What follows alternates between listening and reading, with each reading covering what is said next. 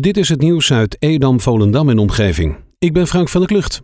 De nieuwe exploitant van de pont die Ilpendam en Landsmeer aan elkaar verbindt, heeft te horen gekregen dat de pont kan blijven varen. Een tijdelijk contract gaat deze week getekend worden door de verantwoordelijke partijen.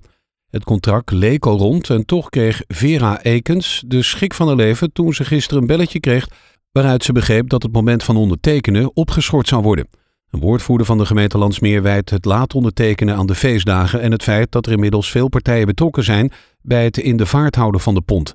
Het college heeft wethouder Erik Heinrich de opdracht gegeven om het contract te ondertekenen. Deze week gaat dat gebeuren. De afgelopen twee weken zijn er in de regio Zaanstreek-Waterland 17 coronadoden geregistreerd. 18 coronapatiënten kwamen in het ziekenhuis terecht. Dat blijkt uit cijfers van het RIVM die NH Nieuws met hulp van Local Focus inzichtelijk heeft gemaakt. In de regio is nog altijd onverminderd het risiconiveau zeer ernstig.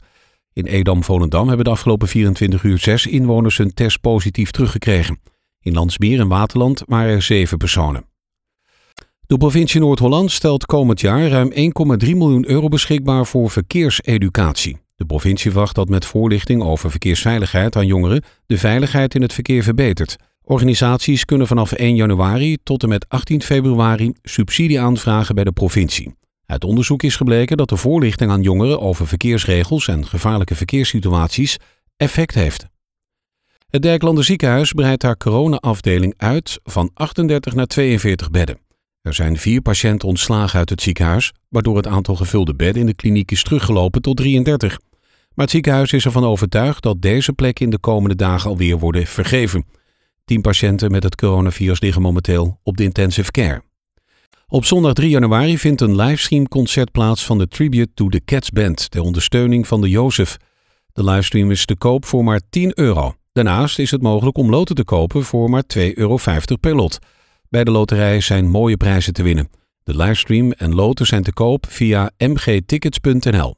Losse loten kan je kopen via jozefvolendam.nl.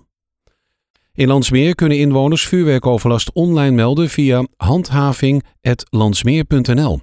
Bij ernstige overlast bel je de politie 0900 8844. Wil je een illegale opslag van vuurwerk melden of handel in vuurwerk, dan kan je dat ook bellen. Of meld misdaad anoniem 0800 7000. De gemeente zet de laatste dagen van het jaar meer handhavers in. Zij letten extra op om overlast door vuurwerk te voorkomen. Spreek elkaar aan bij overlast. Zo help je mee aan een jaarwisseling die zo veilig mogelijk is.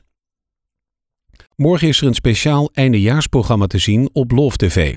Daarin blikt presentator Nick Tol terug en vooruit met verschillende lokale gasten, onder wie staatssecretaris Mona Keizer, actuaris Tom Veerman, horecaondernemer Danny van Noorden, pastoor Stomp en Edwin Schokker van Ondernemend Volendam. Het gesprek met Mona Keizer gaat gezien haar grillige jaar in de politiek vooral over haar persoonlijke leven. De uitzending op Oudejaarsavond is van 8 uur te zien op Lof TV. Men heeft de afgelopen week de jaarlijkse afvalkalender Huis aan Huis ontvangen. De inzameling van huisafval verandert in het nieuwe jaar. Het restafval in Edam, Volendam en Purmer wordt vanaf 2021 wekelijks op dinsdag bij je opgehaald. Voorheen was dat donderdag.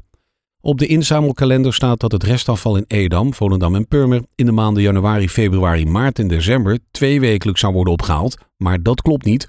Ook in die maanden wordt het restafval wekelijks opgehaald. En vanaf 2021 dus op dinsdag in plaats van donderdag. De gemeente Waterland verkoopt het monumentale pand De Waag in Monnikendam aan Stadsherstel.